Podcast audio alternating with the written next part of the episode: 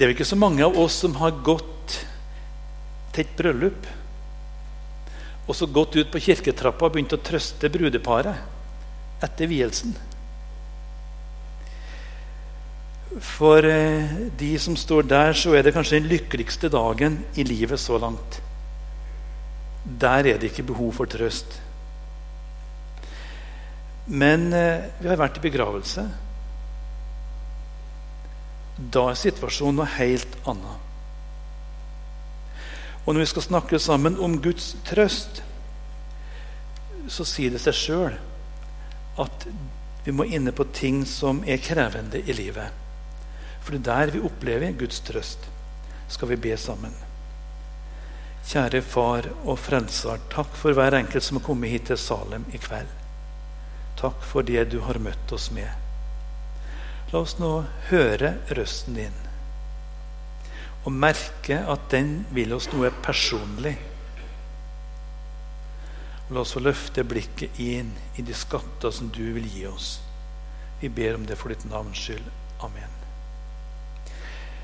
Vi har to flotte vers i starten av andre korinterbrev som vi skal lese sammen nå eh, til å begynne med.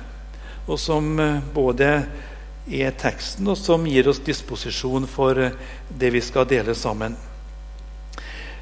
Lovet være Gud, vår Herre Jesu Kristi Far, barmhjertighetens Far og all trøsts Gud. Han som trøster oss i all vår trengsel, for at vi skal kunne trøste dem som er i all slags trengsel, med den trøst vi selv blir trøstet med av Gud. Og Disposisjon sier så veldig greit. Første punkt blir all trøst Gud. Andre punkt blir Han som trøster oss i vår trengsel. Og det siste punktet det blir det at du skal få lov til å være med og dele videre det vi har fått av Han. Er det ikke et flott navn på Gud? All trøsts Gud. Det tror jeg er noe av det fineste uttrykket vi har om Gud i Bibelen vår. Uansett hvilken religion vi går til, så blir man møtt med krav. Og det finnes ingen religion hvor guden omtales slik. Sjøl ateismen stiller krav. Den stiller krav om at en må fornekte at det finnes en gud. Men vår Gud er all trøsts Gud. For de andre så blir det slik at etterfølgelse det blir et trelleliv. Og en hverdag hvor man aldri blir god nok. Men med tanke på Gud så finnes det en ramme for denne trøsten. Et menneske som ikke er et Guds barn, får ikke oppleve det her om det aldri så mye vil det. Hva skal Gud trøste et menneske med som ikke vil høre han til? Kanskje kunne han si du har nok vært så godt et menneske at det går noe bra til slutt med deg. Eller du har ikke vært verre du enn andre mennesker. Eller vi skal nok bli enige om en deal når det gjelder livet ditt til slutt. Nei, slik er det ikke. Om du er her i dag så vet med deg sjøl at du ikke hører Jesus til ennå, så har jeg et tilbud til deg. Du skal få lov til å gi resten av livet ditt til Jesus. Og dermed oppleve å bli et Guds barn. Da åpner himmelen seg over ditt liv. Da har også du all trøst Gud over deg, og du har tilgang til alt som det innebærer. Romerne 8, 32 står et fint vers som han vil gi til deg spesielt. Han som ikke sparte sin egen sønn, men gav ham for oss alle. Hvordan skulle han kunne annet enn gi oss alle ting med ham? det skal du få lov til å ta imot. Gud ga sin sønn for at du skulle få en åpen vei til himmelen. Og at du skulle ha sjanse til å bli et Guds barn. Når du har fått en slik gave, da må du ikke la være å ta imot det og alt det som det fører med seg. I Matteus 11 eh, det har vi ikke på skjermen. Der står det slik Kom til meg, alle dere som strever og har tungt å bære, og jeg vil gi dere hvile.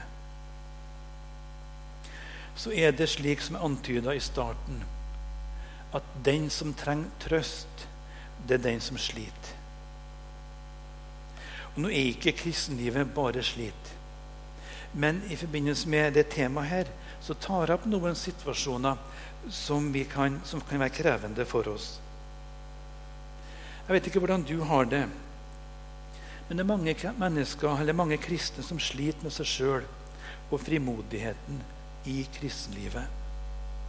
I en sang i sangboken så står det slik Jeg ville gjerne eiga ei tru så sterk og stor. Jeg skal tro om ikke det var mange av oss som er her i dag, som hadde høye ambisjoner om vårt kristenliv da vi ga livet til Han, eller da vi fornya forholdet til Han. Ikke bare Peter som har lovt Gud store ting. Det har nok også vi. Og i alle fall har vi tenkt store ting om oss sjøl og vår pålitelighet som kristne. Kanskje så vi noen kristne som vi syns eh, levde dumt. Og vi tenkte som så at det skal i alle fall ikke skje med meg. Jeg vil være et bedre eksempel enn disse. Og vi har hørt om og vi har lest i Bibelen om helliggjørelse. Og vi har tenkt at det her skal vi få til. Kristenlivet må vi få skikk på. Men sannheten er den at det er mange som sliter her. Vi er kompliserte som mennesker, også som kristne. Og det er ikke fordi at Gud er komplisert, men det er fordi at vi alle har en syndenatur med på lasset. En arv ifra syndefallet. Vi fikk det da vi ble født inn i verden, arvesynden. Og sjøl om vi har blitt et Guds barn, så er den der å ødelegge så mange dager for oss. Ja, kanskje de fleste.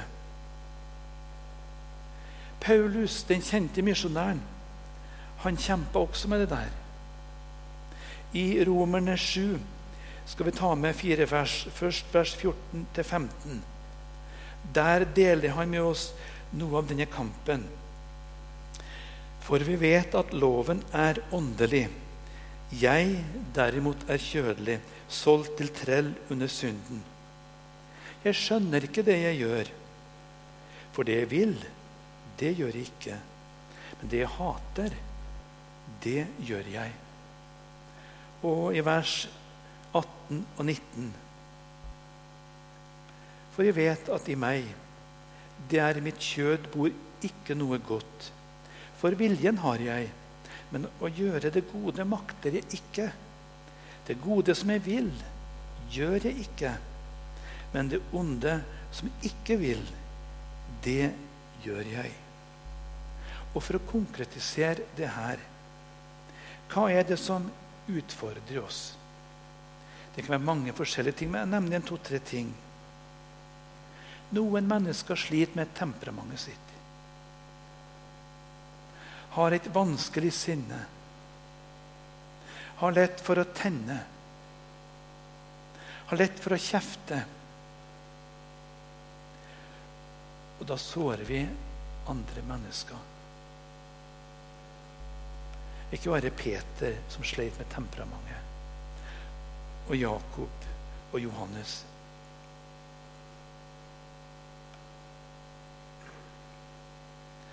Mange mennesker sliter med tankelivet sitt kanskje de fleste. Det er så ustyrlig. Og bare de minuttene du har sittet her, at du kom på Salem i kveld, så har tankene flydd rundt. Og noen har tenkt tanker som ikke hører hjemme på et møte.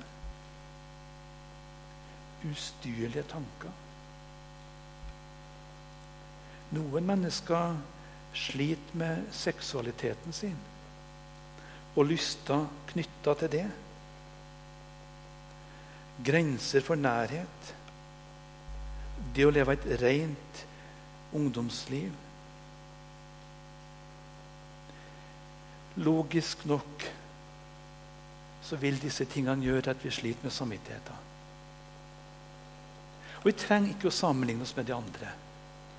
Vi har nok med oss sjøl, alle sammen.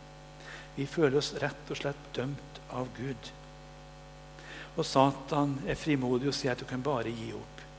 Du får aldri skikk på kristenlivet ditt.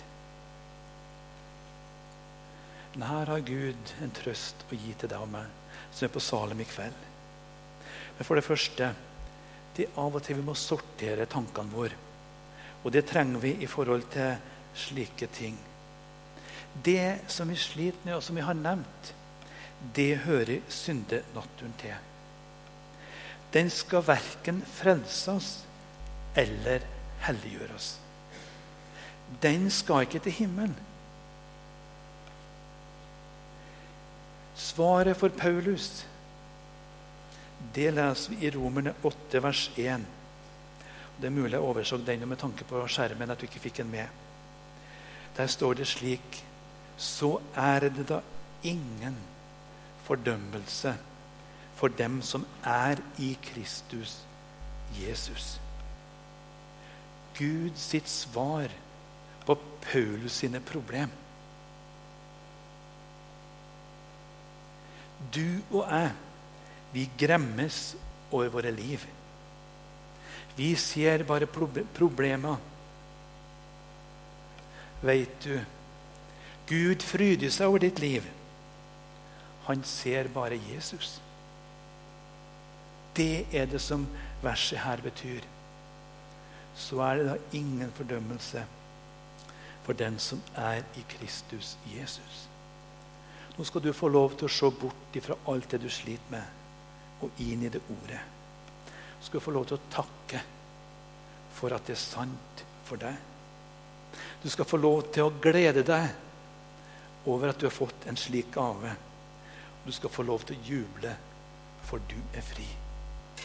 Kjøpt fri av Jesus. Så kan livet by på andre utfordringer for oss. Mange opplever prøvelser av forskjellig art. Kanskje sitter du her i kveld som er inn i en livskrise. Det har skjedd ting som gjør at du har det skikkelig vondt. Sykdom kan komme inn i livet og i heimen, enten hos oss sjøl eller andre. Og framtida blir mørk og usikker. Kanskje sitter du her som er svikta av en person du var glad i, og du føler deg såra og aleine. Kanskje du har opplevd dødsfall i nær familie og føler deg knust av den grunn. Ja, det hender også at det sitter noen på møter som lurer på om livet er verd å leve lenger. Det kan være forskjellige grunner til det. Psykisk sykdom, motgang.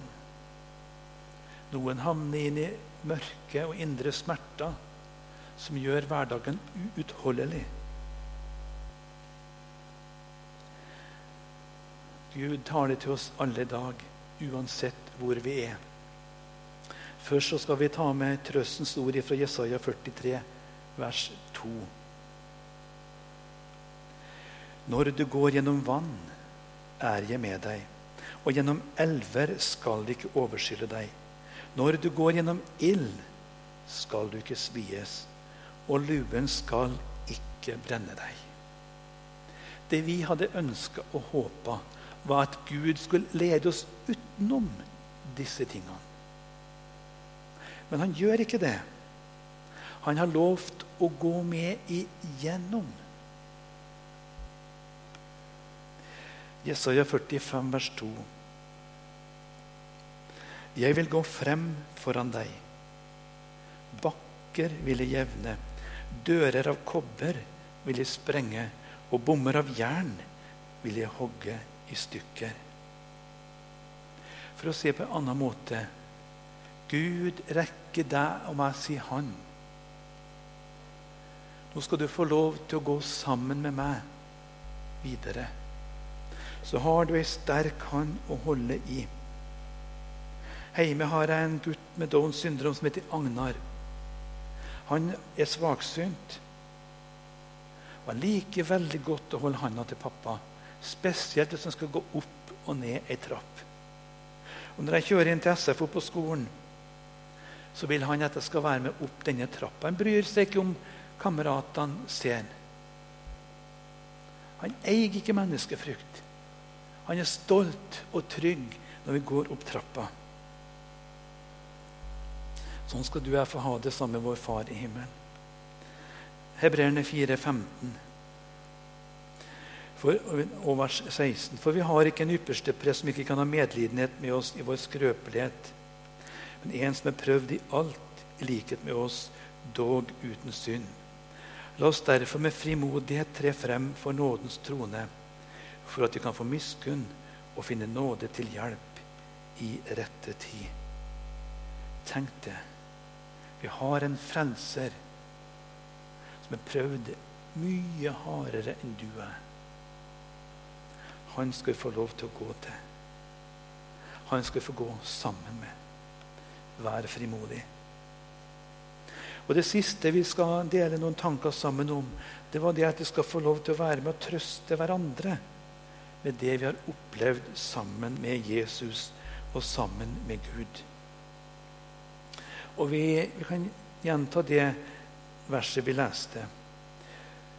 Han som trøster oss i all vår trengsel, for at vi skal kunne trøste dem som er i all slags trengsel, med den trøsten vi selv er blitt trøstet med av Gud. Og Her vil jeg komme med noen personlige vitnesbyrd om ting jeg har opplevd i livet sjøl, hvor forskjellige mennesker har fått formidla viktige ting til meg. For 13 år siden, da Agnar ble født, han med Downs syndrom, da ble vi i heimen og familien vår kasta inn i en ny og usikker situasjon som vi ikke ante noe om fra før. Alt var snudd opp ned. Det var vel Dagen etter fødselen så ringte ei venninne av kona mi og lurte på hvordan det sto til. Så fikk jeg høre at vi har fått en gutt. Og Så fortalte jeg at han har Downs syndrom. Så kom det kontant ifra henne. Han er en Guds skapning, han også. Datt ut av henne. Og det var så godt. Det var trøst, for oss som var usikre på alt. Han er en Guds skapning, han òg. Og en helt annen opplevelse hadde en januardag i Gjøvik i 1994. Jeg sto ved et gatekryss og skulle gå over, jeg venta på grønn mann for å gå over. Så kom det ei dame bort til meg og så stoppa opp og så sa hun, Vet du at Jesus er veldig glad i deg? Et håndtrykk fra himmelen. Jeg var sliten. Jeg var stressa. Jeg trengte trøst. Vet du at Jesus er veldig glad i deg? Og Jeg må ta med noe som vår gode venn Agnar sa. Da han var fire år, ble storebror hans alvorlig syk. Vi var på tur fra Gjøvik til eh, Haugesund 2. januar. Når vi kjørte over Haukeli, så fikk vi tak i gutten vår i Oslo og oppdaga at han var syk. Han hadde hukommelsestap. Og Jeg skjønte vel ikke helt situasjonen der vi satt i bilen og prata med han. Så kom vi ned til Røldal og skulle ha stansa det for å ha en kopp kaffe. Så så jeg at dattera vår, som da var ja, 15 eh, år, satt og grein i bilen. for å være redd for storebror. Da kom det fra Agnar med Downs syndrom. Sesus, Sesus, Sesus. Jesus, Jesus, Jesus. Han har ikke mye intelligens. Men han har fått med seg det viktigste. Så kunne han trøste oss som satt i bilen. Jeg må ta med én ting til fra Agnar. En par år seinere var jeg på ferie i Namdalen. Eh, og han sleit med helsa. Og Jeg oppdaga en dag at han hadde sår i munnen. Ganske mye sår i munnen. Og Vi dro til doktoren, og det var en ung turnuskandidat. og Han skjønte ikke helt hva som feilte ham, og ba oss komme igjen dagen etter. Og Den morgenen hadde han Agnar det skikkelig vondt. Ikke ville han ha mat, og ikke ville han ha drikke. Når vi satt der ved frokostbordet, så ville han ned på gulvet. Han satt i fanget mitt. Og så gikk han bort og henta Bibelen min. Og så kom han gående bort, Rekt fram Bibelen. Nå skulle vi lese i Bibelen, og så skulle vi be til Jesus. Legen kunne ikke hjelpe ham. Mamma og pappa kunne ikke hjelpe ham. Men han visste såpass at Jesus kan. All trøsts Gud så kan du få lov til å være med på din måte og hjelpe et medmenneske. Du kan lytte med dine to ører når du får betroelse. Du kan dele noen erfaringer du har fått sjøl. Og på den måten kan du formidle Guds trøst til et menneske som sliter. Det jeg tror jeg vil si det slik et hverdagskall vi har. Når det gjelder misjonsarbeid vi står i både i regionen vår sør-vest og ute på misjonsfeltene, så handler det om å få lede unge og eldre til denne Jesus og til denne Gud. Og la dem få kjenne og oppleve det som vi sjøl har fått. Hele veien går han med meg. Og hva kan jeg ønske mer? Kan jeg tvile på hans godhet når hans ledelse jeg ser. Himmelsk fred og salig trygghet i min Jesus har min sjel. For jeg vet hva enn jeg møter, Jesus gjør dog allting vel. Hele veien går han med meg, er min hjelp i all min nød. Gir meg nåde når jeg prøves, styrker meg med livets brød. Skulle enn mitt hjerte tørste, Veien blir meg tung og lang. Gledeskilder skal fra klippen springe frem så mang en gang. Hele veien går han med meg, kjærlighet så stor og rik. Og til sist en evig hvile gir han meg i himmelrik. Når jeg der skal fri for klarhet, kaste meg for tronen ned, skal jeg fryde meg og minnes. Hele veien gikk han med. All trøsts Gud. Lykke til på vandringa med Han. Og skulle du ha noe komplisert som du føler stenger for det her, så kan du få lov til å komme bak til forbedrerne. Få dele ting. Få bli bedt for å få hjelp. Amen.